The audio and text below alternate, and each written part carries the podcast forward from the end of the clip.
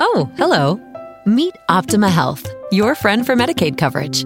Like any true friend, we can help make life a little easier with discounts on healthy food and gift cards for pregnancy and child checkups. We include vision and medical help 24-7. See more benefits at optimamedicaid.com slash hello. It's time to say hello to Optima Health, a health plan you can count on.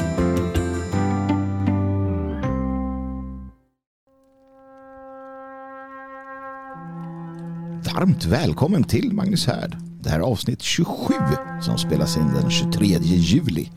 Året är 2022.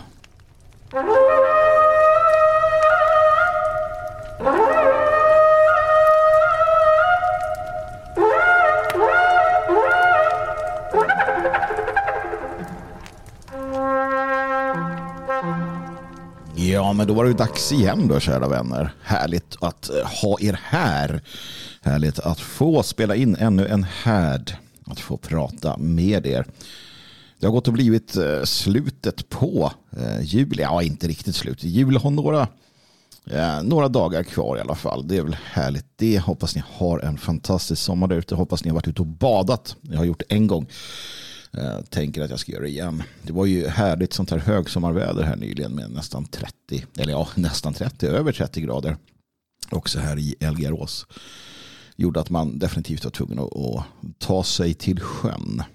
Annars är det mest jobb. Jobb och jobb här. Eller jobb, det är inte, det är inte jobb på det sättet. Eh, att eh, finnas i Svenskarnas hus och fortsätta hålla, hålla ordning och hålla igång um, föreningen och Svegot. Det är ju, um, jo, det är ett jobb. Det är ett arbete som görs utan tvekan. Uh, men det är riktigt kul också.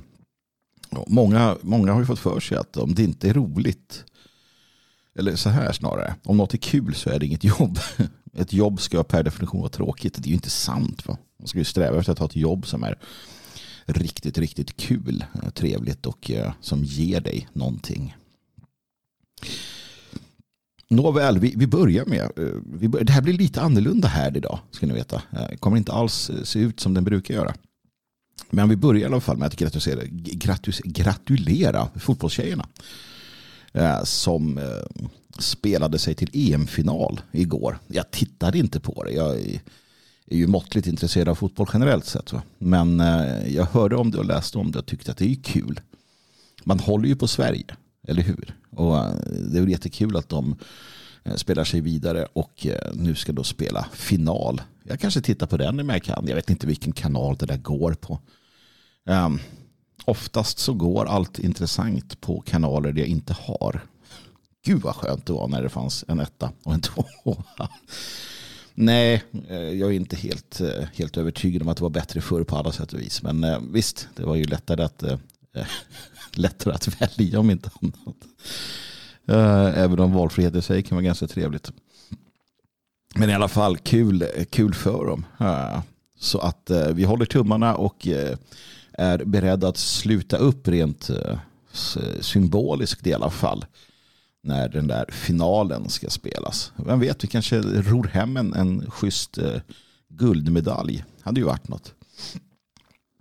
Jag har sett att det har varit någon, någon form av eh, friidrott också som jag fastnade på tv. Jag vet inte alls vad det var men det var kulstötning som jag tittade på. Då hade vi två kulstötartjejer där eh, från Sverige som gjorde bra ifrån sig också. Det var kul att se. Jag fastnar ibland på sån här idrott som eh, visas på tv. Jag minns för några år sedan då fastnade jag framför eh, curling heter det.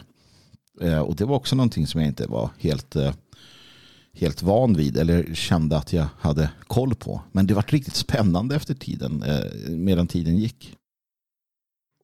Så jag satt där och tittade på curlingen. Eh, och det var svenska tjejer då också som eh, gjorde bra ifrån sig. Så att man vet aldrig. Ehm, som sagt, det blir inte riktigt eh, som det brukar. Så att jag ska liksom forcera den här akt 1 lite grann tänker jag. Ehm, för att komma till mat och potatis. Men jag vill, och det här är viktigt för mig. Jag vill naturligtvis utsända mina gratulationer till en väldigt speciell person. Ehm, en person som, som är mig mycket kär som fyller år den här dagen. Jag vet inte om vederbörande kommer lyssna på härden på sin födelsedag. Ehm, eh, det, det, det, det är lugnt om så inte sker utan att det hörs i efterhand. Men ett stort grattis till dig. Jag önskar att jag var där. Ehm, men det är jag inte, utan jag är här. Och då får man använda de eh, S man har i kort eh, i rockärmen helt enkelt. Så att jag får utsända mina gratulationer Eh, till dig. Jag hoppas du får en fantastisk eh, födelsedag. Så, eh, och att, att gåvan uppskattas. Det ska bli kul att höra vad du tycker om den. Ehm, ingen härd nästa lördag vill jag också eh, låta meddela. Nästa lördag blir det ingen Magnus härd för att vi har sommarfest i Svenskarnas hus och jag kommer vara fullt upptagen eh, under veckan som kommer och under helgen. Både eh, lördag och söndag för den delen. Eh, på tok för upptagen för att eh, också orka med att spela in härden. Men jag hoppas att många av er kommer dit till Svenskarnas hus. Det går fortfarande att boka, boka biljett. Ehm, dagen är fri, fritt inträde. Till, till den, den, som har fastnat på kvällen har vi då lite musik och samkväm. Och där måste du boka en biljett då. Ehm, så att det hoppas jag att det gör. Det blir fantastiskt bra musik, fantastiskt bra gemenskap, underhållning. Vi kommer att ha det hur bra som helst. Jag hoppas att se dig där. Men om du inte kommer dit, men du är en av oss, en av härdens folk, då vet du ju vad som står på eh, agendan här framöver. Och det är ju diktsamlingen. Och tack så mycket Tina för namnet diktsamlingen. För det är det vi ska ha. Vi ska ha en diktsamling gott folk. En diktsamling i Svenskarnas hus där härdens folk. Jag har satt ett, ett tak på 20. Det börjar nästan närma sig. va? Det börjar närma sig. Det är fantastiskt roligt. Men ett tak på ungefär 20. Ja, kanske färre än så. Jag börjar nästan tänka att 10 hade kanske varit bättre. Men 20 eh, max i alla fall. Då. Eh, som, som träffas i Svenskarnas hus vi har en gemensam middag. Och under den, före den, efter den eller när det passar oss så ska vi alla läsa en dikt för varandra då naturligtvis. En dikt eh, som, som ligger oss själva varmt om hjärtat. Och det börjar ramla in eh, ett gäng som vill vara med på denna diktsamling som vi nu kallar det för. Diktsamlingen eh, Magnus Härd, diktsamlingen 2022 i Svenskarnas hus. Vi ser till att göra det här någon gång efter sommarfesten. September kanske blir bra. Ehm, det är ju valtider då så det kan vara gott och väl att slippa, eh, slippa tänka på sånt där. eh, eh vad heter det? Eh, tråkig realpolitik och komma in i en annan värld, en, en vackrare värld, en skönare värld. Och diktvärlden är oftast det. Den kan ju också vara hemska naturligtvis. Kan vara kan ju på många sätt vara fruktansvärd. och det blir lite grann på, beroende på vad man läser. Någonting. Den största våndan jag har är att veta vilken jag ska välja själv. Det finns ju så många bra eh, poem där ute som man skulle vilja dela med sig av. Så frågan om man ska vara så här, eh, det som verkligen är grundläggande, grundläggande vackert eller om man, man eh, som betyder något, eller man ska vara lite svår. Ja, bara för att imponera på er. Kanske blir en så modernistisk galenskap. Nej, det lär inte bli. Det lär bli någonting bra i alla fall. Men i alla fall, jag, jag återkommer med mer besked om detta. När det, eh, när det börjar bli dags. Ja, härden idag ja. Härden idag blir lite annorlunda. Jag satt nämligen och ögnade igenom min bokhylla. Och där stack det ut en, en bok eh, som heter Glimtar av liv. Och Den har jag skrivit. Eh, kom ut 2016. Jag kan villigt erkänna att det inte blev någon succé. Det vart ingen eh, rusning till boklådorna för att köpa den. Vilket är helt okej. Okay. Av någon anledning så verkar nationella eh, avsky skönlitteratur. Jag förstår inte varför. Eller de kanske inte läser skönlitteratur av oss utan vill köpa Lisa Marklund eller någonting. Jan Guillou, jag har ingen aning. Men i alla fall, skönlitteratur eh, säljer jävligt dåligt. Det är sorgligt. Människor förstår inte eh, den stora den stora nyttan utav skönlitteratur. Ni härdens folk gör naturligtvis det, men ni vet sånt där vanligt folk. Vanligt nationellt folk. För vanligt folk känner ju till nyttan av det för de köper ju skönlitteratur likväl. Men i alla fall, här ska jag inte sitta och, och eh, gråta över spilld mjölk. För det är inte det det går ut på. Utan det går ut på att jag satt mig och bläddrade i den här boken. Och kom fram till att jag uppskattade den. Ehm, fortsatt uppskattar jag den precis lika mycket som när jag hade skrivit den, om inte mer. Och härden är ju en plats för berättelser. Det är en plats för eh, naturligtvis åsikter och funderingar och sånt där. Men det är ju också framför allt egentligen en plats för sagor. En plats för sagor, berättelser eh, och annat sedeslärande eller på annat sätt underhållande. Så då tänkte jag att jag läser lite för er idag. Helt enkelt. Jag läser lite för er. Och vad är då bättre än att läsa eh, från min egen bok, tänker jag. Så jag har valt ut fyra noveller som jag tänkte att jag skulle läsa. Och det är som så att den här diktsamlingen, diktsamlingen är inte, den här novellsamlingen, det var det är nämligen. En novellsamling som heter eh, eh, Glimtar av liv. Och den, den heter det för att det är just vad det är. Det, är 20 noveller som ger glimtar av liv. Och när jag skrev den så hade jag i tanken en, en du vet man sitter framför tvn och man sappar. Så tittar man här och tittar där och tittar där och tittar där. Och så kommer lite, lite till en. Glimtar utav saker. Ja, och det är lite samma här. Man hoppar rakt in i en historia ibland. Man, man får delar av den serverad. Ett skeende just nu, ett skeende just här. En glimt av ett liv. Um, vems liv? Ja, det liv som, som jag berättar om. Och naturligtvis är det så att väldigt mycket är, är det, finns, det är väldigt mycket som är hämtat från ens eget liv. Så blir det ju. Men inspirerat av andra och en del önskedrömmar och förhoppningar och, och sådär. Det, det är ju det är så det fungerar. Så jag ska läsa eh, fyra glimtar av liv till er. Och det är det som är dagens ehm, härd. Och jag vet att många av er har eftersökt eh, ljudböcker också. Ehm, och, och, det tar ju lite tid att, göra sånt. Det tar lite tid att, att spela in och, och så. Men, men eh, tro mig, jag, jag har det i åtanke hela tiden. Um, förhoppningsvis så kan vi ordna det här vad det lider. Så att glimtar av liv ska jag läsa för er. Idag. Fyra stycken. Ja, det finns ju fler där de kommer ifrån. Då. Eh, så att ni är välkomna sen om ni tycker att det här verkar kul. Att gå in på Logikförlag. Jag tror Jag tror att den finns där. Sånt här ska jag ju kolla upp innan. Nåväl, det är som det är. Jag, ja, jag, eh, jag får väl slänga ihop en ny version av den annars om det visar sig att det är många som vill ha den.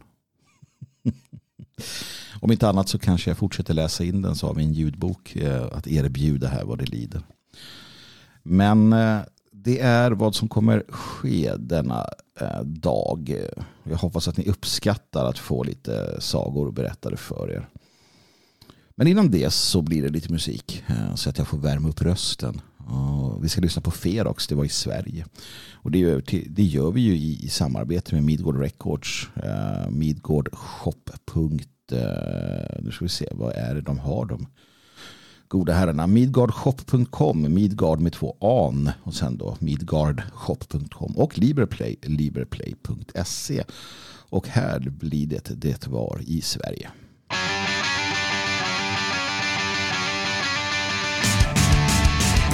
Visst är det gott krig, svenska gossar bland virkesläggor fartyg och trossar. Visst kan en karl vara glad i buteljen, trumpen och trött vid morgonreveljen. Och glädjen kan tryta till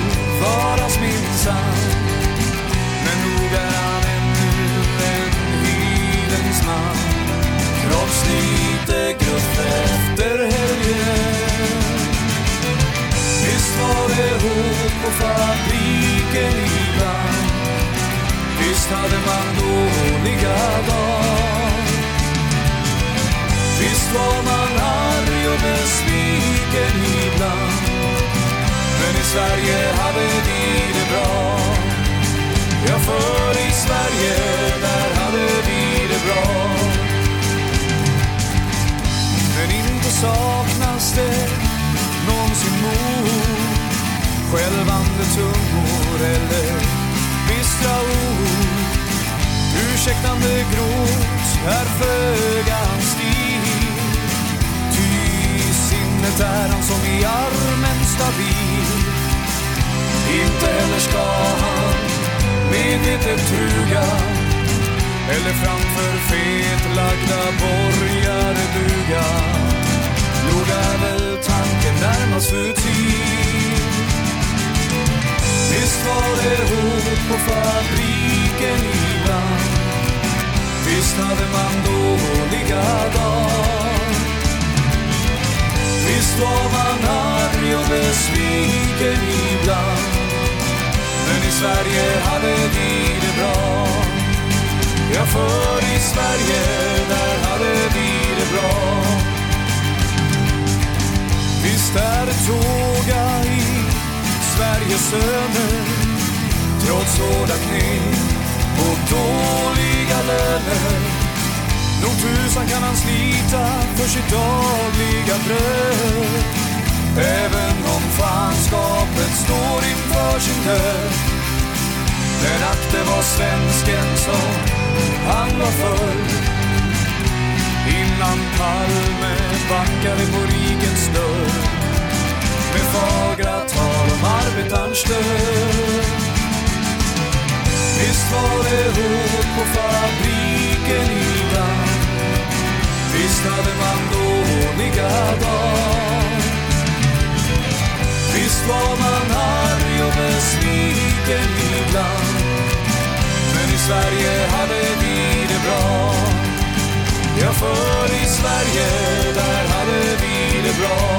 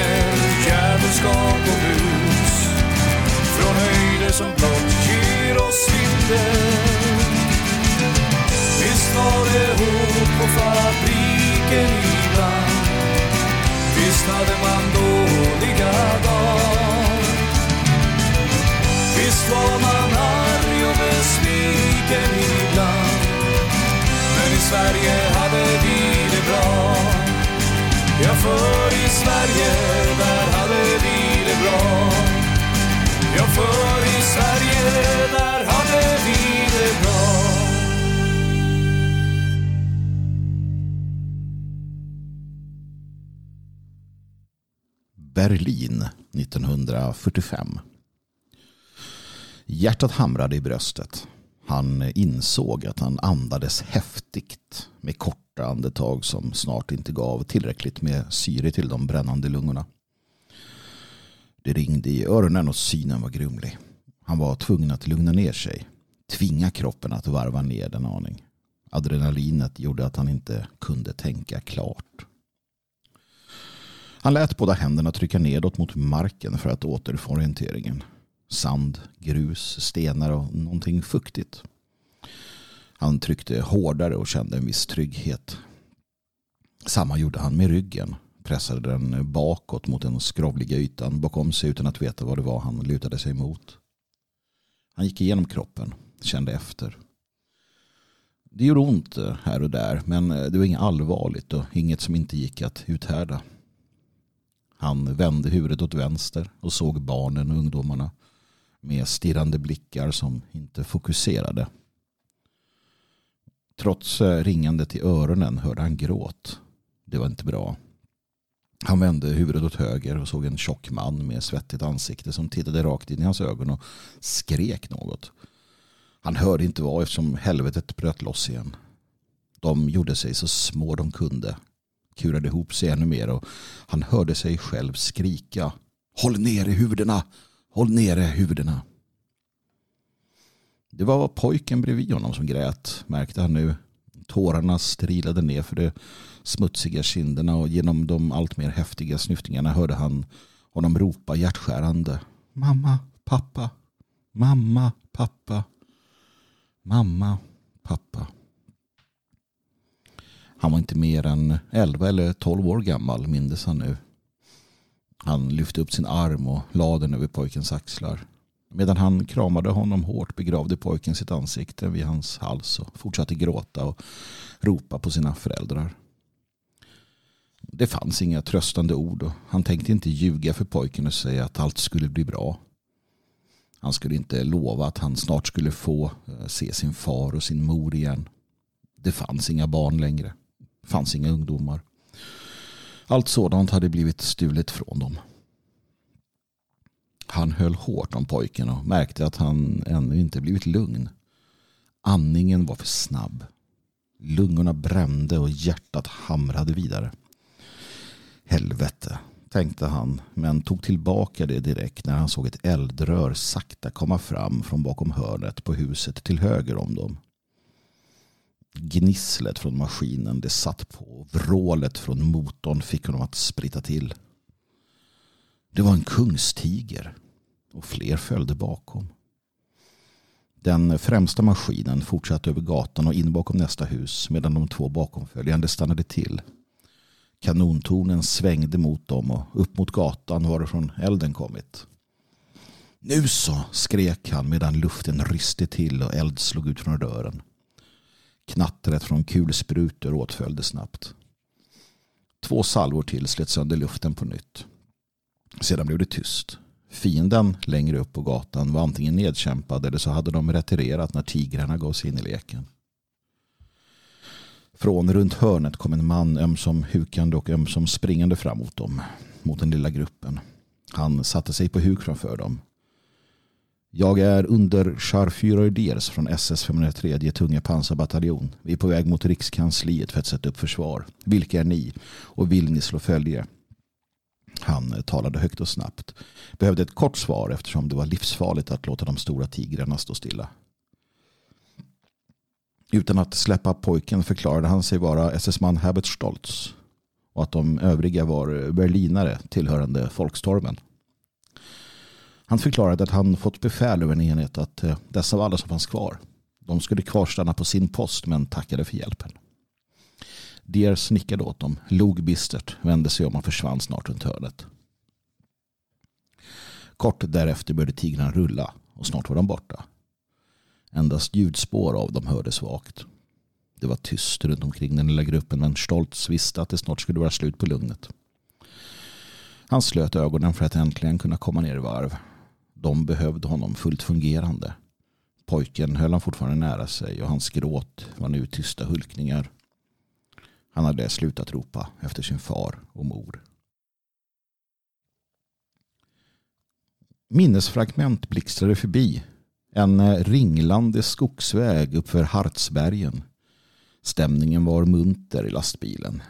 Väl framme vid skolan beordrades avstigning och uppställning framför huvudbyggnaden. Solen värmde och den rödvit svarta flaggan fladdrade ur klangslagens topp. NPEA Amhalt. hans hem och stolthet. Minnet försvann lika fort som det kommit. Ett nytt dök upp. Bilder från när slagskeppet Schleswig-Holstein inledde sitt bombardemang av väst, Västerplatte vid Vägsells mynning. Han hade sett journalfilmen på en biograf och salongen hade jublat när nyheten om Polens snabba kapitulation meddelades. För sin inre syn såg Stoltz de svartvita bilderna han såg hur lugna befälhavaren och hans officerare varit trots att anspänningen måste varit enorm och ljudet från alla kanoner och kulsprutor öronbedövande. Minnet byttes ut. Förräderiet vid Stalingrad när fältmarskalk Paulus kapitulerade armén. Det gjorde ont i Stoltz när han tänkte på det.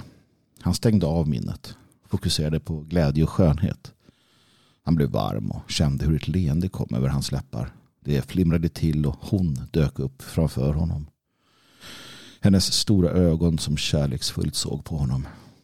Elsa, viskade han. Elsa. Han var lugn. Hjärtat slog normalt och han andades djupt. Det luktade damm och betong, fränt av rök och krut. Världen var i svartvitt runt honom. Raserade byggnader och här och där döda människor, män, kvinnor och barn. Han lösgjorde barnet ur sin famn och vände sig om så att han kunde kika över kanten på deras skydd. Han såg vad han behövde se och satte sig ned igen. Något fångade hans blick snett till höger framför honom. Han fokuserade, sorterade bort rasmassor och död. Det var tre unga kvinnor i trasiga kläder med bylten i armarna. Bylten som rörde sig. Han tänkte snabbt. Soldaterna han sett när han snabbt spanat av läget eh, kom emot dem och skulle snart vara vid deras position. De rörde sig långsamt men snabbt nog. Gruppen hade ingen möjlighet att retirera. De unga kvinnorna var alldeles säkert utmattade och skulle inte kunna fly undan. Vad det innebar visste han. De sovjetiska soldaternas order att mörda och våldta var kända och han hade själv läst vad Ehrenburg skrivit.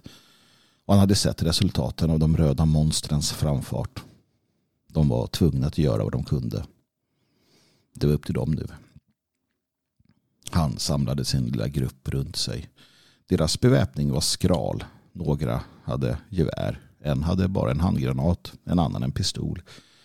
Själv hade han sin kulsprut i pistol 40 med ett fullt magasin. Det var allt. Och det var det. Stoltz kunde inte hålla sig från att skratta medan han högtidligt deklarerade att gruppen snart var tvungen att använda nävarna mot fienden. Ingen av oss är nog snabb som en vinthund. Inte jag i alla fall, men nog fan är vi hårda som kruppstål i alla fall. Väste den tjocka mannen fram och log. Det fanns egentligen ingen tid att ödsla men Stoltz tog risken att låta någon liten stund passera för att få tala med sina mannar en sista gång.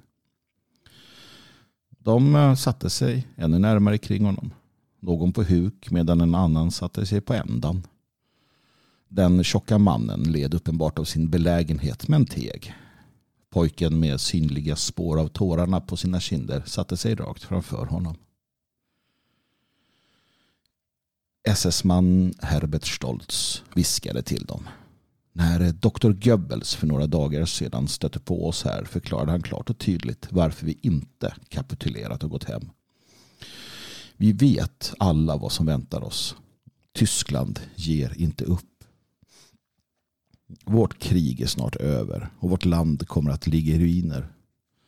Men som doktorn sa så kommer vår järnhårda beslutsamhet att kämpa till döden finnas kvar som en påminnelse om kraften i det tyska blodet.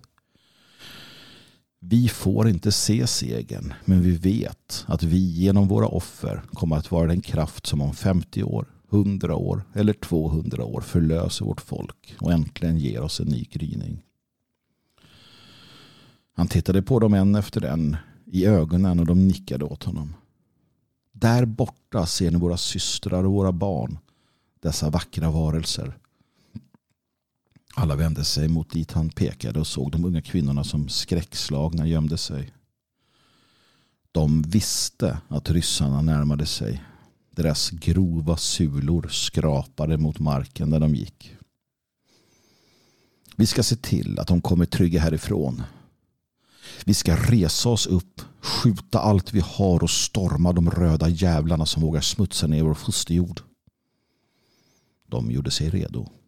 Stoltz tittade in i ögonen på den lilla pojken. Sedan gav han sitt vapen till den tjocka mannen och tog dennes pistol. Du kommer inte att vara ensam, viskade Stoltz till pojken. Han stoppade pistolen i bältet och ställde sig på knä så att deras ögon möttes. Han la sina händer på pojkens kinder och gav honom en kyss på pannan. Från ena fickan tog han fram sin keps och satte den på pojkens huvud. Idag kämpar du som SS-man, viskade han. Pojken log med darrande läpp. Stolt tog pojkens hand i sin, sa åt honom att ta fram handgranaten och göra sig redo. Den andra handen lät han greppa kring lugerns kolv. Det var tryggt att ha vapnet i handen. Han eh, andades in. Han andades ut. På min order. Skjut tills det är slut och sen slår vi dem på käften. Nu, vrålade han. Han kände pojkens hand i sin. De sprang framåt mot soldaterna längre upp på vägen. De öppnade eld medan de sprang. Men snart. Ammunitionen tog slut. De hade bara granaten kvar. De hade tagit många med sig. Granaten kastades och exploderade. Pojkens grepp hårdnade om hans hand. Gud med oss, ropade Herbert Stoltz. Gud med oss, svarade hans män, hans pojkar, hans barn. De sprang inte mot döden. De sprang mot det eviga livet.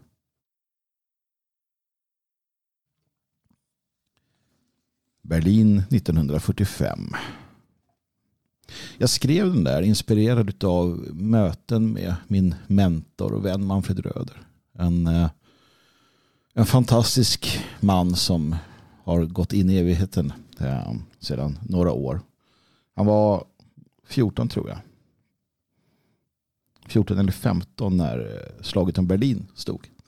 Och han eh, eh, anmälde sig som frivillig till Wehrmacht för att försvara sin stad. Han ljög om sin ålder. Han sa att han var 18, vilket han då inte var. Efter att ha lyssnat på samtal, eller efter, efter att ha samtalat med honom om bland annat det, men mycket annat, så, så fick jag nog den inspirationen att skriva just den här novellen. Uh, vad gäller de här kungstigrarna för övrigt, eh, och eh, den här personen eh, som dyker upp där Unterscharführer från SS 503 tunga pansarbataljon. Det var faktiskt så att han, denna Unterscharführer Diers, tillhörde 503 pansarbataljonen, hade tigrar och försvarade rikskansliet i Berlin. Så att eh, det finns, det finns en, del, en del sanning också i myten. Eh, jag, jag har lite svårt faktiskt. Den här, den här, de flesta av de här novellerna jag har skrivit här berör mig själv väldigt mycket när jag läser dem. Så det är lite svårt ibland faktiskt. Eh, men jag hoppas att ni uppskattade den. Eh, och tänker att vi raskt går vidare till en annan novell som, som finns med här. Eh, den heter Väntan. Och jag, jag kastar mig friskt mellan. Det här är en av fördelarna vet ni, med att skriva noveller och göra novellsamling. Ehm, det är att man kan kasta sig fritt mellan eh, olika, eh, olika ämnen, olika, olika tider och scenarier. Man behöver inte hålla sig till, till en röd tråd. Sen är det fantastiskt svårt med noveller också för att du ska ge så mycket. Och jag satte själv gränsen att de skulle vara väldigt korta. Glimtar som sagt. Och det, det gör att det blir eh, det blir knöligare. Men nu så går vi in i historien istället. Nu går vi in i historien när vi läser Väntan. Britta stod på gårdstunet med den nedåtgående solen i ögonen. Hon eh, gungade nästan omärkligt medan hon kisade bort över fälten mot horisonten långt där borta. Bakom sig Bakom det lilla torpet började skogen och hon hörde löven prassla när vinden fick lite fart. Hon eh, sträckte upp nacken och slöt ögonen. Kroppen var öm, musklerna värkte men hon kände sig stark. Hon lät huvudet hänga rakt ned och öppnade ögonen. En hårtest föll ned framför pannan och ena ögat. Hon eh, tog bort den. Britta såg ner på sina bara fötter som sjunkit ner i det mjuka gräset på tunet. Hon kände jorden under fotsulorna. Den var varm och levande. Sakta lyfte hon på huvudet och lät blicken följa med. Hon följde den upptrampande gången mot grindhålet och vidare ut på vägen som ledde bort. Den gick mellan åkrar och fortsatte så långt hon kunde se. Den var tom. Inga dammoln i fjärran som förebådade en ryttare. Inga uppskrämda fåglar som sköt upp när en vandrare var på väg. Nej. Det var ingen på väg nu heller. Det blänkte till en bit österut. Det var torntuppen på Sockenkyrkan som fångade solens strålar. Hon slöt ögonen igen och såg kyrkan för sin inre syn. Som den sett ut för 14 år sedan då hon stått tillsammans med honom inför prästen och församlingen. Då de lovat varandra att vara trogna i nöd och lust.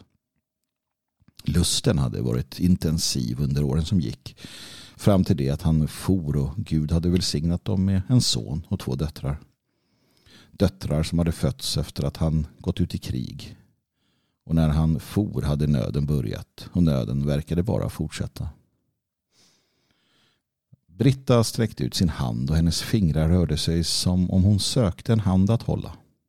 Men eh, fingrarna fann bara tomhet. Hon lät handen falla tillbaka. Med våren detta år kom också sjukdomen till torpet. Hennes förstfödda barn, Anders, hade insjuknat. Alla var rädda för att pesten kommit till byn. Det hade den inte till allas lättnad. Men illa nog gick det i alla fall. För alla försök att få Anders frisk misslyckades. Och en morgon somnade han till sist in i stillhet. Hans liv hade börjat en dag Britta och David sagt ja till varandra i kyrkan. Han hade döpts av deras vigselpräst. Samma präst som sedan Östmull över honom och fört honom till hans sista vila. Kistan var den David snickrat till sig själv. Sedan den dagen hade Britta varit ensam på gårdstunet varje morgon och varje kväll. Anders hade vakat med henne under alla år i hopp om att han skulle få möta den far han bara hade fragment av minnen kvar av. Mor och son hade stått tysta tillsammans med sammanflätade händer och hoppats att det var just den morgonen eller den kvällen som skulle vara den då David kom hem. Döttrarna var för små för att förstå. Hon andades in djupt och tvingade tillbaka gråten som var på väg. Vinden tilltog och hårtesten föll ner över ögat igen. Hon förde undan den utan att släppa torntuppen med blicken. Å ena sidan hade hon blivit harmsen över att han blivit kallad till krigstjänst i konungens armé. Att eh, det var själviska känslor visste hon. Och hon var inte stolt över dem. Men hon hade aldrig yppat dem för någon. Britta hade stått bakom sin make under hela tiden från att kallet kom till att han tog farväl. För även om hon var arg och sorgsen över att han skulle fara långt bort från henne var hon stolt över att hennes älskade make skulle strida för Gud och konung. Sockenprästen hade förklarat varför de eh, var en del av detta krig. Varför detta krig var nödvändigt att utkämpas och vad som stod på spel. Deras trosfränder långt borta led svårt och behövde hjälp. Både Britta och David visste att det var ett rättfärdigt krig som väntade. De hoppades och bad att Gud skulle ge dem segern. De pratade inte så mycket om vilket pris de kanske var tvungna att betala men eh, båda var medvetna om det. Den sista natten tillsammans hade han hållit om henne hårt. Tårarna hade runnit längs hennes kinder men hon lät inte en enda snyftning undslippa henne. Han skulle bli stärkt av henne, inte känna sorg. Hon hade lyssnat på hans djupa andetag och med varje del av sin kropp känt honom. Hon ville frysa tiden där och då och för alltid ha honom nära sig. Deras farväl hade gått snabbt. En sedesam kyss, en smekning på kinden. Hon hade lett mot henne. Han hade lett mot henne och rufsat till sonens hår. Sen hade han börjat gå vägen ned, ut genom grinden och framåt längs vägen. Hon hade stått orörlig tills han var borta. Då hade hon fallit ner på knä och börjat gråta okontrollerat. Anders hade smekt hennes panna och hållit om henne. Men hon hade tagit sig samman. Systrarna väntade på henne. Livet gick vidare. Det hade varit svårt i början innan hon eh, vant sig med att han inte var där. Hon hade flera gånger ropat ut hans namn som om han fortfarande var där. Men tystnaden hade påmint henne om verkligheten. Ibland ställde hon fram kvällsvar till honom och andra gånger gjorde hon sig redo att gå ner till åken för att hjälpa honom när hennes sysslor var klara. Men eh, med tiden sjönk det in. Han var inte där. På kvällen var det som värst. När det blev tyst i stugan kände hon sig ensam. Helt ensam. Fruktansvärt ensam. Att han inte var där blev som mest påtagligt då. Andras män hade börjat komma hem. Hon hade fått veta att Gösta i grannbyn helt plötsligt hade stått på tröskeln och ropat till sin käring och barnen. Förutom honom visste hon om en handfull karar till som kommit hem till sina väntande familjer. Eller familjer som inte längre fanns. Vid marknaden i fjol hade hon talat med en av dem. En invalidiserad man vars hela familj dött av under hans bortavaro. Han hade varit fåordig och hade inga nyheter om David. Även om de eh, till en början tjänat tillsammans så hade de efter den stora katastrofen blivit åtskilda under flykten och sedan dess hade han inte sett honom. Han sa att hon inte skulle hoppas på för mycket. Hon hade inte tagit illa upp av det, inte blivit modstulen. Han hade sagt det av omtanke, för runt omkring i hela riket fanns tusentals kvinnor som hon, vilka väntade och väntade förgäves. Medan människorna spådde var det Gud som rådde och hon hade förtröstan på sin Gud. Stilla och mycket tyst sjöng hon hjältekonungens psalm där han stod på tunet. Förfäras ej du lilla hop fast fiendernas larm och rop från alla sidor skalla. De fröjdas åt din undergång men deras fröjd ej bliver lång ty låt ej modet falla. Din sak är Guds, gack i ditt kall och i hans hand dig anbefall, så räds du ingen fara. Hans Gideon skall än bli spord, som Herrens folk och Herrens ord skall manligen försvara. I Jesu namn vårt hopp är visst, att ondskans makt och arga list ej kan oss skada göra.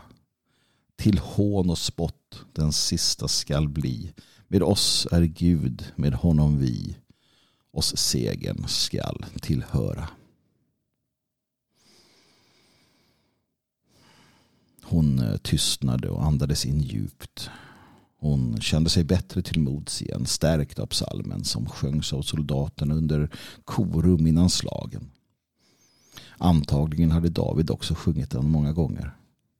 Hon eh, älskade att sjunga och tillsammans med barnen brukade de sjunga efter kvällsvalen.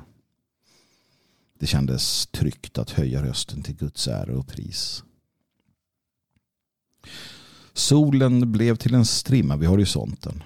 Det blev lite kallare i luften och vinden tilltog. Så skedde varje gång innan nattens stillhet tog vid. Det var dagens sista kraftansträngning innan den gick i vila. Men eh, det var fortfarande ljummet och hon frös inte. Snart skulle hennes vänner Rödhakarna börja sjunga sin aftonserenad.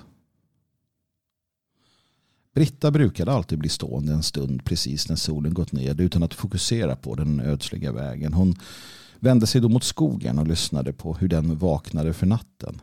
I brytningen mellan dagen och natten, i den stillhet som alltid uppkom, lät hon sitt sinne uppslukas av naturens majestät. Hon kände sig som ett med allt liv i skogen och var medveten om att hennes tillvaro var lika osäker som harens eller hjortens.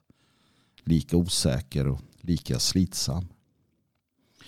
Människan skulle arbeta i sitt anletes svett. Så var det. Och det var rätt och riktigt. Det var inte lönt att oroa sig i eh, onödan. Vakan var över och Britta började sakta gå upp mot huset. Hon eh, stannade tvärt när hon hörde ett ljud bakom sig. Det hade hörts svagt medan hon lyssnade till den annalkande natten insåg hon. Svagt och sedan aningen högre. Hon eh, flämtade till häftigt när hon förstod vad det var hon hörde grus som knastrade under fotsteg. Bara några meter bakom henne. i grinden. Fotsteg vid grinden så sent på kvällen. Stegen tystnade. Allt blev tyst. Hon hörde sin egen anhämtning, kände blodet rusa. Och så hörde hon något annat. Andetag. Inte hennes egna. Inte hennes egna. Inte hennes. Inte. Hon vände sig om. Hon såg. Och hon log.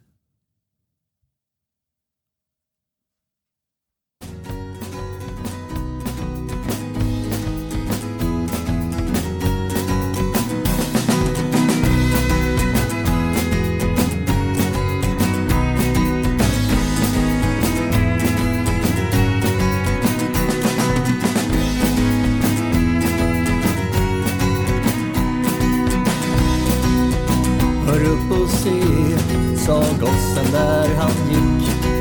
Lyfte upp mot skyn sin kvist, han tält till bajonett. Se framåt Mark, det lyste i hans blick. Ensam hem på vägen som han mången gång beträtt.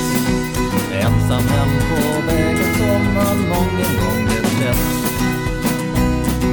Vänner har han träffat på denna vackra dag. Övat på att fäktas för att bli en bra soldat. Hjältemod han uppmuntrat och starka fasta tag.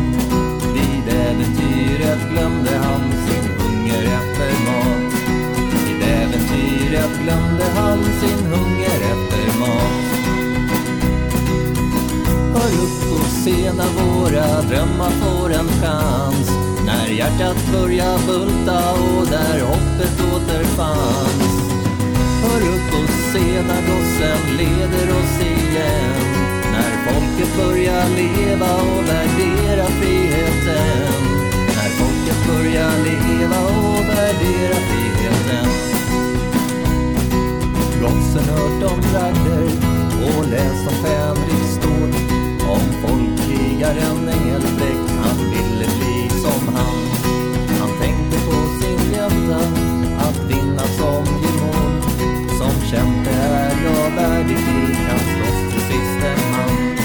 Som kämpe är jag värdig i, han slåss till sist en man. Genom djupa skogar, över stock och sten. Sverige ska försvaras, var helst det träder fram. Mot en illasinnad främling är jag inte sen att visa fienden att vi är inga tomma lamm. Att visa fienden att vi är inga tomma lamm. Främmande var ondskan och solen lyste klart. Livet kändes enkelt men han ville mycket mer. Sommaren var kommen, det var så underbart. Vad döljer horisonten som jag ännu inte ser? Vad döljer horisonten som jag ännu inte ser? Fylld av fantasier, han undrar om sin mor. Vid gården på hans hemman där det slitit och stått i. Skulle hon förstå den dag jag annorstädes for att strida för vårt folk och tro fäder kära till Att strida för vårt folk och tog fäder kära till Hör upp och se när våra drömmar får en chans. När hjärtat börjar bulta och där hoppet återfanns. Hör upp och se när gossen leder oss igen. När folket börjar leva och värdera friheten börja börjar leva och värdera friheten. Bakom nästa backe såg han en figur. Omgrupperar rast han gjorde som i ett förband. Obehag han kände när han stilla låg på lur. Överraskade främlingen, vad gör du i vårt land? Överraskade främlingen, vad gör du Den det inkräktaren hoppade så till Mötte någonting han aldrig tidigare sett Vad är det för ett spratt som nu här med vi spela vill. Gossen pekar hit som om han fällt i bajonett. Gossen pekar hit som om han fällt i bajonett. Anekdoten säger att någonting är fel. Att vi ej längre tyckas att försvara vår revir. Gossen stod på frihet i en själ som varit hel. Kan leda oss till segrar som i morgondagen blir. Kan leda oss till segrar som i morgondagen blir. Varför ska vi blunda när Sverige det är vi? Ett underkuvat folk är det vi sist av allt vill ha. Låt folket sjunga högt och stolta kämpar åter vi. Låt budkaveln vandra, låt oss Sverige återta. Låt budkaveln vandra, låt oss Sverige återta. Hör upp och se när våra drömmar får en chans. När hjärtat börjar bulta och där hoppet återfanns. Hör upp och se när gossen leder oss igen. När folket börjar leva och värdera friheten. Hör upp och se när våra drömmar får en chans. När hjärtat börjar bulta och där hoppet återfanns. Hör upp och se när gossen leder oss igen.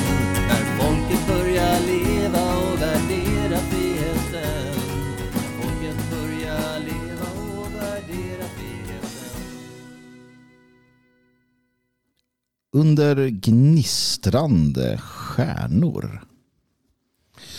Köldknäppen hade kommit fyra dagar tidigare. Det hade inte varit någon överraskning men det hade varit svårare än någonsin tidigare att förbereda sig på den.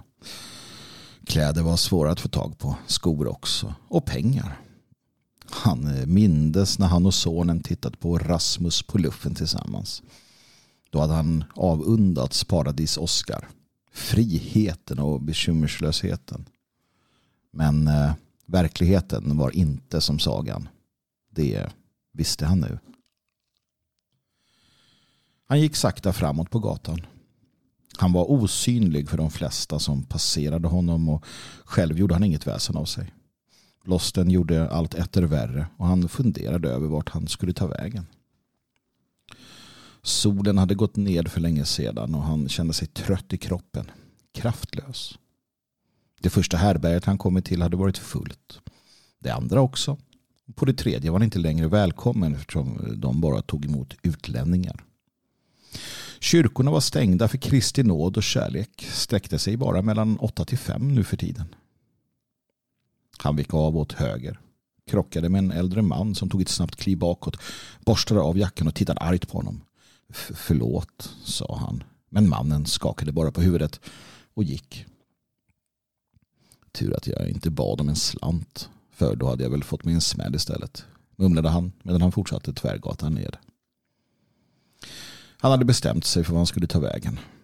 Det fanns en trappuppgång, kanske två, tre kilometer från där han var.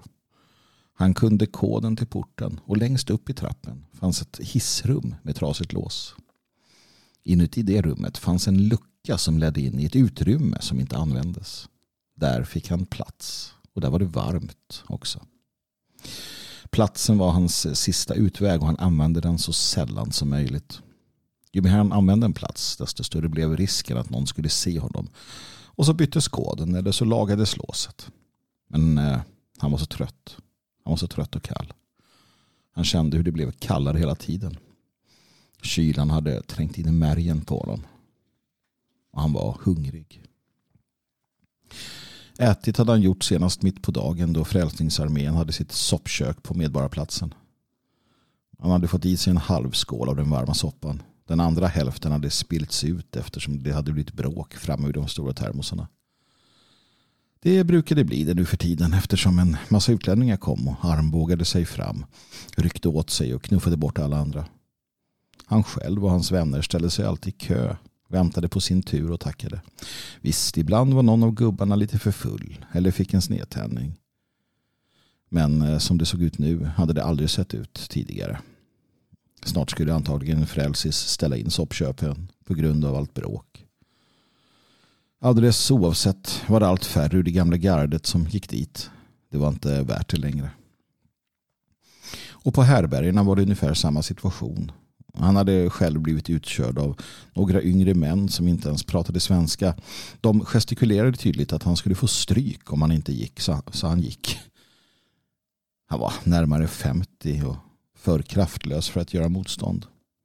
Och föreståndarna tittade ner i sina papper bakom plexiglaset så att någon hjälp därifrån fanns heller inte att få. En eh, mor gick förbi honom, hand i hand med en liten pojke. Pojken och mannen log mot varandra. Han eh, kände ett sting i hjärtat. Grabben var i samma ålder som hans egen son när han sist hade sett honom för kanske tio år sedan. Eller något. Han, eh, han hade ingen aning längre. Det knarrade under fötterna när han trampade igenom snön och när saknaden av sonen slog till ordentligt. Som en våg av sorg stapplade han till av smärtan. Han blev illamående och gick lite avsides bakom ett brofundament. Han satte sig på marken. Ovanför honom, ovan bron, gnistrade stjärnorna klart.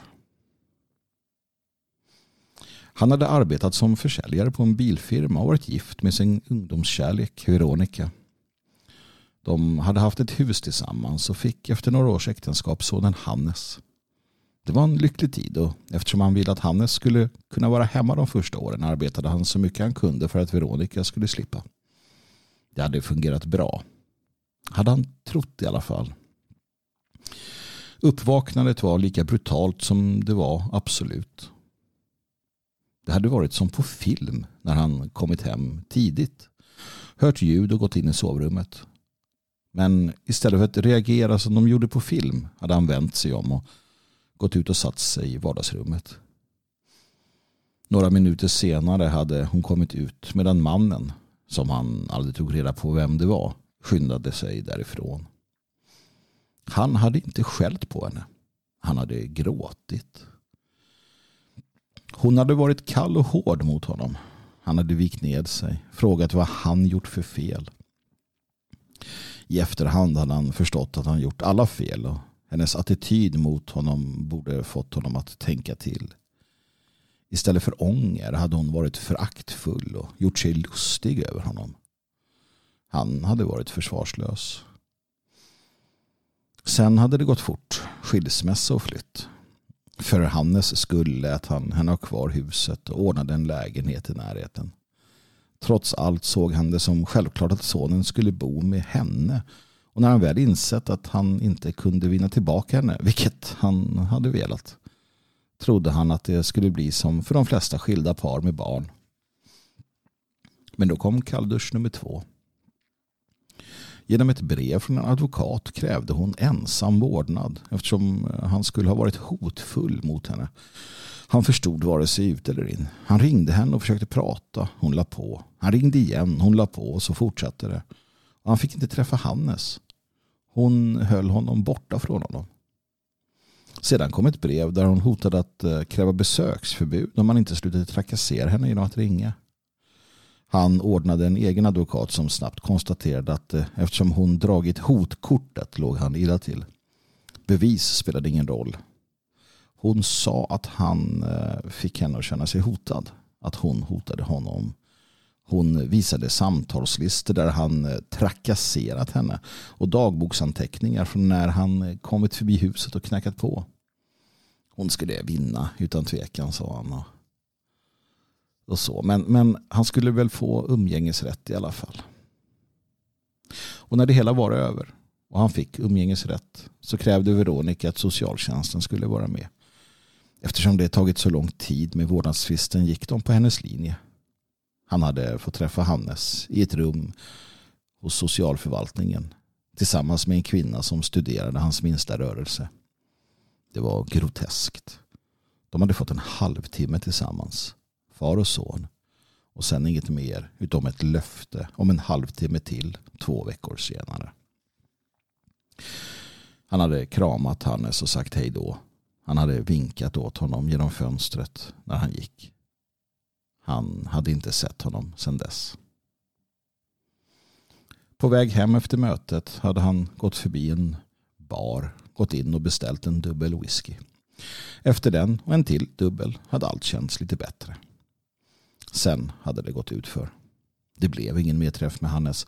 Vid första tillfället var han sjuk, sa Veronica. Och samma vid andra. Han styrkte sig med spriten men efter ett tag började han skämmas för det. Så han gav upp. Men när han drack mådde han bra. Sen blev han av med jobbet. Vilket inte var så konstigt eftersom han inte klarade av att sköta det. Och därefter förlorade han lägenheten eftersom han inte betalade hyrorna i tid. Och när han väl stod där hemlös utanför systemet en morgon tillsammans med några nyfunna olycksbröder hade han redan gett upp om allt. Det var hans värld nu. Det var bara att överleva. Med jämna mellanrum kom vågen av saknad över honom. Men varje gång han funderade över vad som hänt blev det bara outhärdligt. Och till sist ville han inte att Hannes skulle få se honom som den han blivit. Han skämdes för mycket. Med åren blev det lättare och vågen kom inte lika ofta över honom. Det är klart att han då och då undrade över sin son, hur det gick för honom. Men eh, han hade glömt hur gammal han var. Han skämdes över det också. Han förstod aldrig vad som hade hänt. Varför hon gjort det hon gjorde. Varför hade det blivit så? Vad hade han kunnat göra annorlunda? Han hade många frågor men kom aldrig fram till några svar. Det enda han hade kvar var ett trasigt och blekt litet fotografi av Hannes. Med åren hade det blivit skrynkligt, blött och förlorat sin lyster. Men han eh, kunde fortfarande se sin sons ansikte som det en gång varit. Med Ett litet leende på läpparna och en nyfiken blick. Han hade hittats av två yngre pojkar morgonen efter.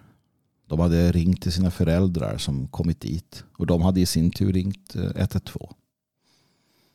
Polisen kom först och ambulansen kort efter. De fann en man som satt lutad mot brofundamentet. Att han var död såg de omgående. Natten hade varit iskall och han var stelfrusen. Han hade frost i skägget och tårar hade fryst på hans kinder. Hans ansikte var vemodigt. Den ena ambulanssjukvården hade kommit fram till den döde och poliserna som stod vid honom. De berättade för henne att, hon, att han var död. Hon vände sig då mot sin kollega som klev ut från förarsidan och skakade på huvudet. När han kom närmare sa hon till honom Han är död Hannes. Det finns inget vi kan göra för honom nu. Han nickade, tittade på den döda mannen utan igenkännande. Stackars sate, sa han och gick tillbaka för att hämta båren. Jag är inte helt säker på uh, vad som fick mig att skriva den här. Men jag vill minnas den här boken kommer ut 2016. Skrev säkert 2015, 2014.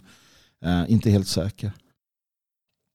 Men jag vet att det var mycket skriverier och mycket samtal kring uh, hur, uh,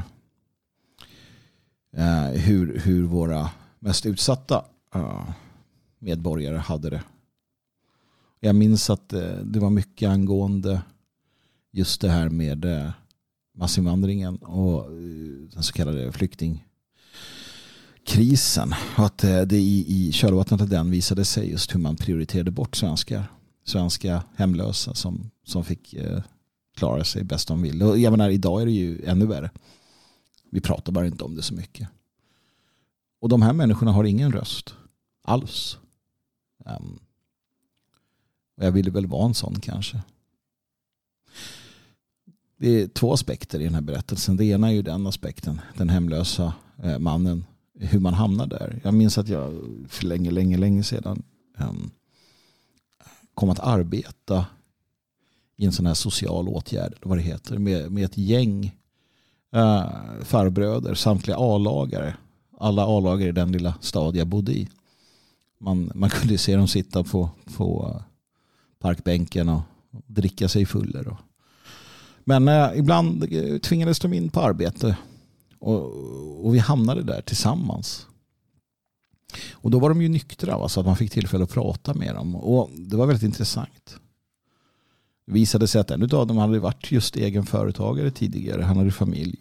Haft familj och barn. Och, och sen hände någonting. Vad fick jag aldrig veta.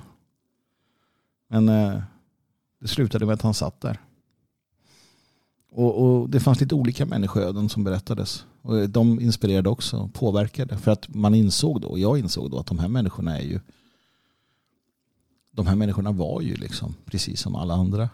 Och sen hände bara någonting. Det finns en, en, en, en berättelse varje gång. Det finns en orsak. Men som sagt, de har ingen röst. Det andra är ju den här aspekten med eh, familjen. Vad som händer här.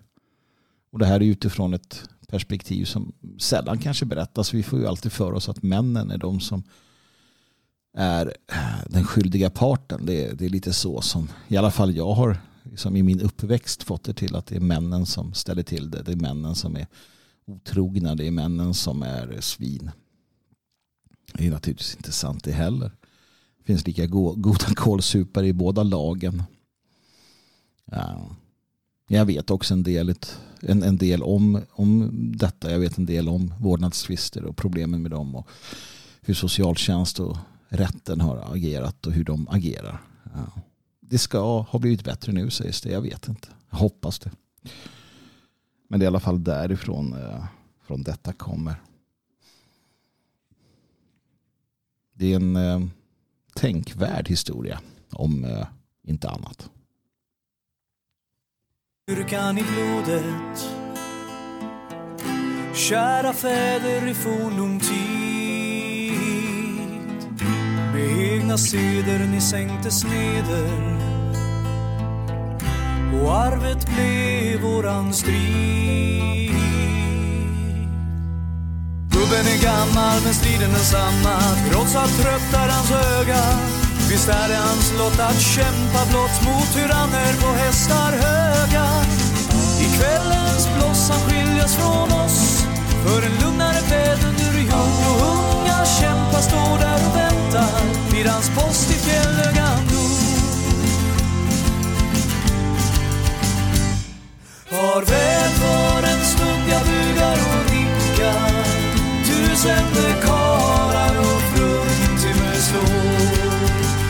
Med persedlar och fuktiga blickar När aftonens lyster och kvällen går. Elden sprakar bland gungan och hakar Ty aldrig ska stugan stå öde. Bakom dessa träd står folk och fä med buteljer för att hedra den döde. Ja, gubben är glad en del i den ram. Längs vår grusade gång och sommarens bris kring björkarnas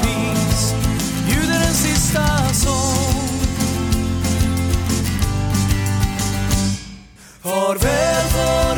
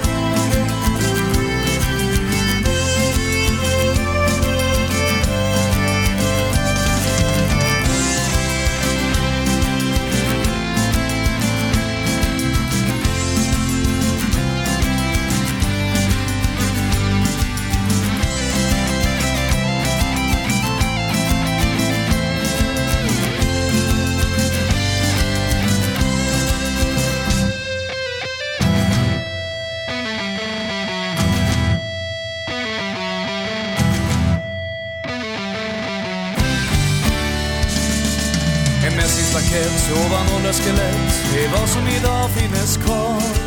Men minnet är blott, vackert och gott av min kära och glad lite far. Jag vet att du njöt, du forade stöt av kampen in till slutet. Men nog var du trygg trots din krumma rygg i pansar som satt som gjutet. Farväl för en stund jag bugar och vinkar. Tusen dekarar och fruntimmer står. Med smäckra persedlar och fuktiga blickar. När aftonens lyster mot kvällen går. Jag säger farväl för en stund jag bugar och nickar. Tusen karlar och fruntimmer står. Med smäckra persedlar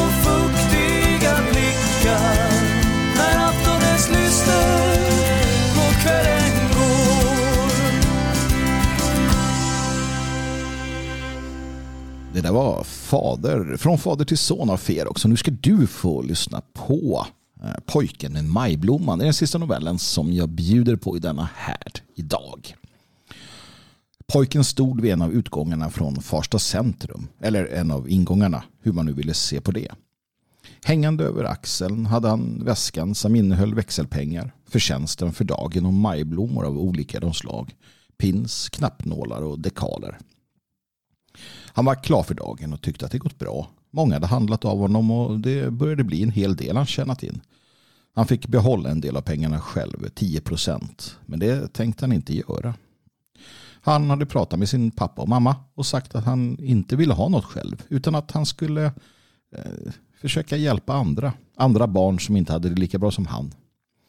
De, de hade blivit stolta över sin son. Mamma hade till och med fått tårar i ögonen. Pappan hade sträckt fram handen och de möttes i ett vuxet handslag. Det hade känts bra. Sedan hade han stått där efter skolan varje dag eller snarare var det så att han efter skolan tagit Roslagsbanan in till stan och vidare till Farsta centrum och stått där ett par timmar.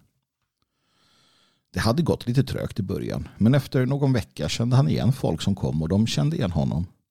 Många imponerades av hans envishet och berättade det för honom medan de köpte en blomma eller två. För pojkens del fick de ha vilken orsak som helst, bara de köpte en blomma. Han var glad över att kunna ge av sin tid för en god sak. Eftersom han själv hade det bra, något han var medveten om, ville han hjälpa andra barn som hade det sämre. Han mindes den dagen då han insåg varför Fredrik i klassen alltid höll sig för sig själv, trots att han både var snäll och rolig. Det var nämligen så, Eh, hade pojken noterat, att Fredrik drog sig undan varje gång de började hålla på med sina smarta telefoner, sina paddor eller pratade om att eh, köpa något nytt spel eller något nytt spel de hade köpt eller sådär.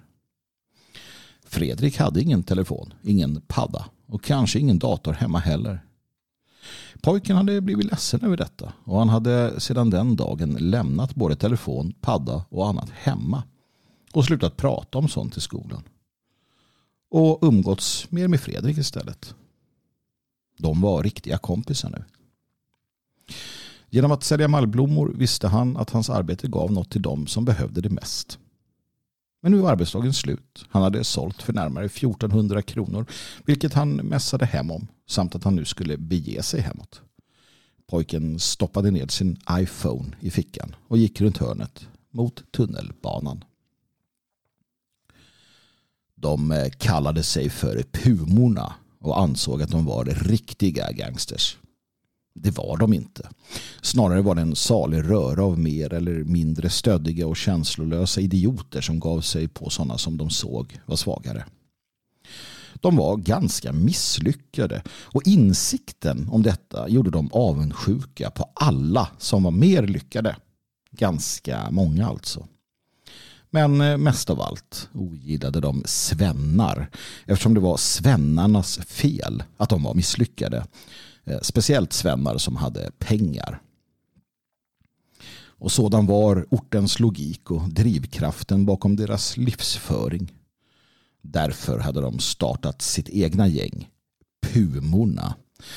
Namnet var inte särskilt innovativt eftersom de bara gått vidare på den, eh, det djurtema som var populärt sedan tidigare bland eh, förortsgängen. Men de häftigaste djuren var ju upptagna varför de valt puman. Vad en puma var för slags djur var det ingen av pumorna eh, som helt visste. Men att den var stor och farlig visste de och det räckte. Det var en ganska löjlig samling om man ska se det hela objektivt. Men trots det så var de farliga och obehagliga när de drev runt längs tunnelbanans linjer på jakt efter sina offer. Någon logik i, i deras brottslighet fanns inte heller. Rån, misshandel, sexuella trakasserier, vandalisering, allt var godtagbart för dem. De gjorde vad som föll dem in. De hade varit 11-12 år när de börjat. Det hade varit så lätt. Första gången de rånade någon var det i omklädningsrummet i en simhall. Deras skola hade haft ett projekt med en annan skola, ett projekt för integration. Svenska ungar tvingades ihop med ungar från socialt utsatta områden som det så fint kallades. Och då invandrarbarnen hamnade med de svenska barnen var det en kulturkrock av sällan skådat slag och svenskarna hamnade längst ned på botten. De hade inte konfrontationen i sig aggressiviteten eller sammanhållningen. De trodde på fullaste allvar att de två grupperna skulle blandas och man skulle finna nya vänner. vänner. Som om att grabbarna som snart skulle bli pumor ville ha några rika svennar som kompisar. De hade plockat en hundring av en liten tjockis de hittat, gett honom en örfil och hotat att skära kuken av honom om han sa något. Han hade stått där naken och förvirrad framför dem. De hade kallat honom allt möjligt. Smackat till honom på fläsket och hånskrattat åt honom. Vilken makt de känt. Svennen gjorde inget. Vare sig han eller någon av de andra. De tittade bort. Nåja, det var deras sanning. Den objektiva sanningen var att eh, protopumorna väntade till tre av svennarna hade gått därifrån. Dessa tre hade nämligen varit uppkäftiga tillbaka i bassängen och, och, till och med tryckt ner en av dem under vattnet när det hettade till. Förortskillarna förstod bättre än att ge sig på någon som gav tillbaks. Därför tjockisen alltså. Sedan fortsatte det bara och när de blev äldre, 15-16, hade de hunnit med rånöverfall, bilstöld och annat smått och gott. Fortfarande aktade de sig för att välja fel offer. Ingen, ingen svenne som såg rakryggad ut. Ehm, helst små svennar, gamlingar eller brudar, de var enklast. Och nu några år senare, pojken med majblommorna var ett bra offer hade de konstaterat. Han var mycket yngre och såg klen ut. Han var själv också, vilket var en fördel. De hade dragit runt i första centrum någon timme och uppmärksammat pojken när de stod och rökte en bit bort från en av ingångarna. Beslutet var lätt att fatta och de var alla överens. Han fick det bli. Jorma Lindros såg ut som djävulen själv. I alla fall hade en åklagare en gång sagt det vilket fått bröderna i salen att skratta högljutt och applådera. Sedan dess var han djävulen bland dem. Och visst, han hade ett eh, speciellt utseende med sina två meter och närmare 150 kilo. Att han börjat med tyngdlyftning hade fallit sig naturligt eftersom han alltid varit såväl stark som bastant. Allt sedan slyngelåldern. Och sedan blev det strongman för hela slanten. Efter det började magen växa. Eh, Förutom den bastanta kroppen pryddes ansiktet av ett stort skägg och vanpryddes av ett ärr från pannan ned till hakan. Minnet eh, av en affär som gått snett. Men eh, motparten såg inte ut alls längre så Jorma var nöjd med det. Denna dag var han klädd som vanligt ett par bastanta kängor på fötterna, ett par jeans, en tröja utan tryck för ovanlighetens skull och västen med klubbens emblem på ryggen och tillbörliga märken på höger och vänster bröst. Huvudet skyddades av en hjälm som såg ut att vara hämtad från tyska armén under andra världskriget. Och det var den också. Huruvida den var godkänd eller inte struntade han blankt i. FTW var målat på den. Det sa tillräckligt. Han satt tungt på sin motorcykel. I grunden var det en Harley Davidson men den hade byggts om en hel del och såg ut som något som verkligen passade djävulen själv. En annan sak som skilde sig från hur han brukade se ut var den majblomma han satt fast på västen. Han hade gått förbi en pojke som sålt dem och tänkt att det var ju för en god sak. Trots allt som alla trodde, varav mycket var sant, så tyckte Jorma Lindros om barn. Pojken hade inte reagerat som de flesta utan orädd inför hans storlek och utseende hade han plockat fram en blomma, givit växel tillbaka och tackat honom med ett stort och varmt leende. Det värmde fortfarande Jormas hjärta som annars ofta var bekymrad över ungdomen av dagen. Han bestämde sig för att säga åt bröderna att var och en åka förbi Farsta och köpa varsin blomma av pojken som stod där. Han startade motorcykeln och mullret slet sönder luften omkring. Första växeln lades i och kopplingen släpptes. Bästen började rulla iväg. Pojken med majblommorna rundade hörnet och gick genom en smal passage mellan två höghus. Hans steg var lätta och sinnet glatt. I tanken var han redan hemma hos mamma och pappa. När han föll förstod han inte varför. Och han kom på fötter lika snabbt igen eftersom händer greppade hans jacka och drog upp honom. När han registrerade vad som hände fann han sig upptryckt mot väggen och halvt omringad av flera äldre killar som log och stirrade på honom. Vad det var frågan om förstod han snabbt. Leendena var inte vänliga och omtänksamma. De var kalla och överlägsna. Hörru lilla horunge, sa en av killarna till honom. Då pojken inte svarade blev han hårt knuffad i bröstet. Hör du inte vad jag säger Len? sa en av killarna. Tror du att du är något eller Svenne Fitta? frågade den tredje. Pojken sa inget. Han fick inte fram några ljud alls. Hans kropp hade låst sig fullständigt och hjärnan fungerade inte. Han var obeskrivligt rädd. Men hoppet tändes när en äldre man kom runt hörnet. Han gav pojken och gruppen runt honom ett eh, snabbt ögonkast. Pojken såg att han förstod. Han såg på honom med bedjande blick. Men mannen drog sig upp mot väggen på motsatta sidan, vände bort blicken och gick fort bort och förbi. Den totala utsattheten kramade pojkens hjärta och han visste att han var körd. Fram med pengarna så kanske du får leva, fortsatte killen som stod rakt framför pojken. Vi har nog sett all para du stoppat på dig och nu är du vår, hurra. Det sista spottade han ut sig. Men pojken kunde inte reagera. Han kunde vare sig fly eller fäkta. Eller tillmötesgå kravet. Kroppen lydde honom inte. Pengarna eller så snittar vi dig. Pojken såg en lång kniv framför ögonen. Han följde den med blicken medan killen förde den mot hans ansikte. Mot ögat.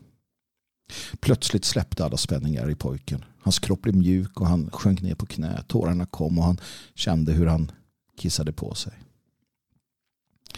Pumorna skrattade högt och började slå på honom. Sparka honom och slita i hans väska. Han hörde dem håna honom samtidigt som de slog honom. Och han kunde inte göra någonting. Han fruktade för sitt liv och dödsångesten grep om hans barnhjärta. Det tog Jorma Lindros en tiondels sekund att förstå vad han såg då han passerade portalen och tittade vänster för att se så att ingen var på väg ut mot övergångsstället. Han tvärnitade motorcykeln, satte ner fötterna och klev av allt i en rörelse. Han brydde sig inte om att föra ner stöd utan han klev med långa kliv framåt det han sett. Halvvägs framme hörde han hur motorcykeln slog i asfalten. Han brydde sig inte ett dugg.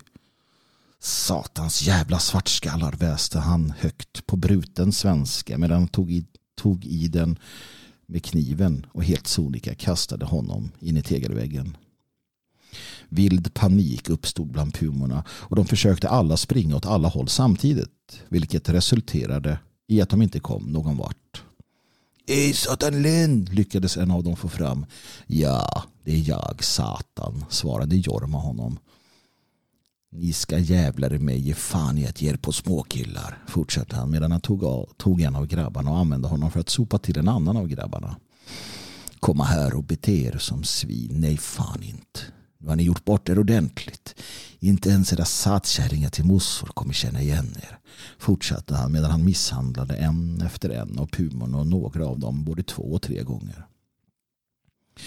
Två av dem försökte ta sig därifrån men hann inte undkomma eftersom Jorma grep tag i deras jackkragar och helt sonika slet tillbaka dem. Till sist låg de alla spridda runt omkring. Jorma hade hållit igen, men det såg inte snyggt ut. Kanske ni lärt er en läxa nu, sa Jorma för sig själv och log ett leende som skulle fått det att isas i blodet på vem som helst som sett honom. Pojkens far visste inte vad han skulle tro när den mullrande motorcykeln körde upp på infarten till den stora villan. Det var en otäck man som satt på den. Än mer villrådig blev han då han såg sin son titta fram bakom ryggen på jätten. Han eh, kom på sig själv med att stå och se fånig ut på verandan medan eh, jätten och pojken hand i hand kom gående mot honom. Men han såg uttrycket i pojkens ögon och han visste. Han visste att allt var bra.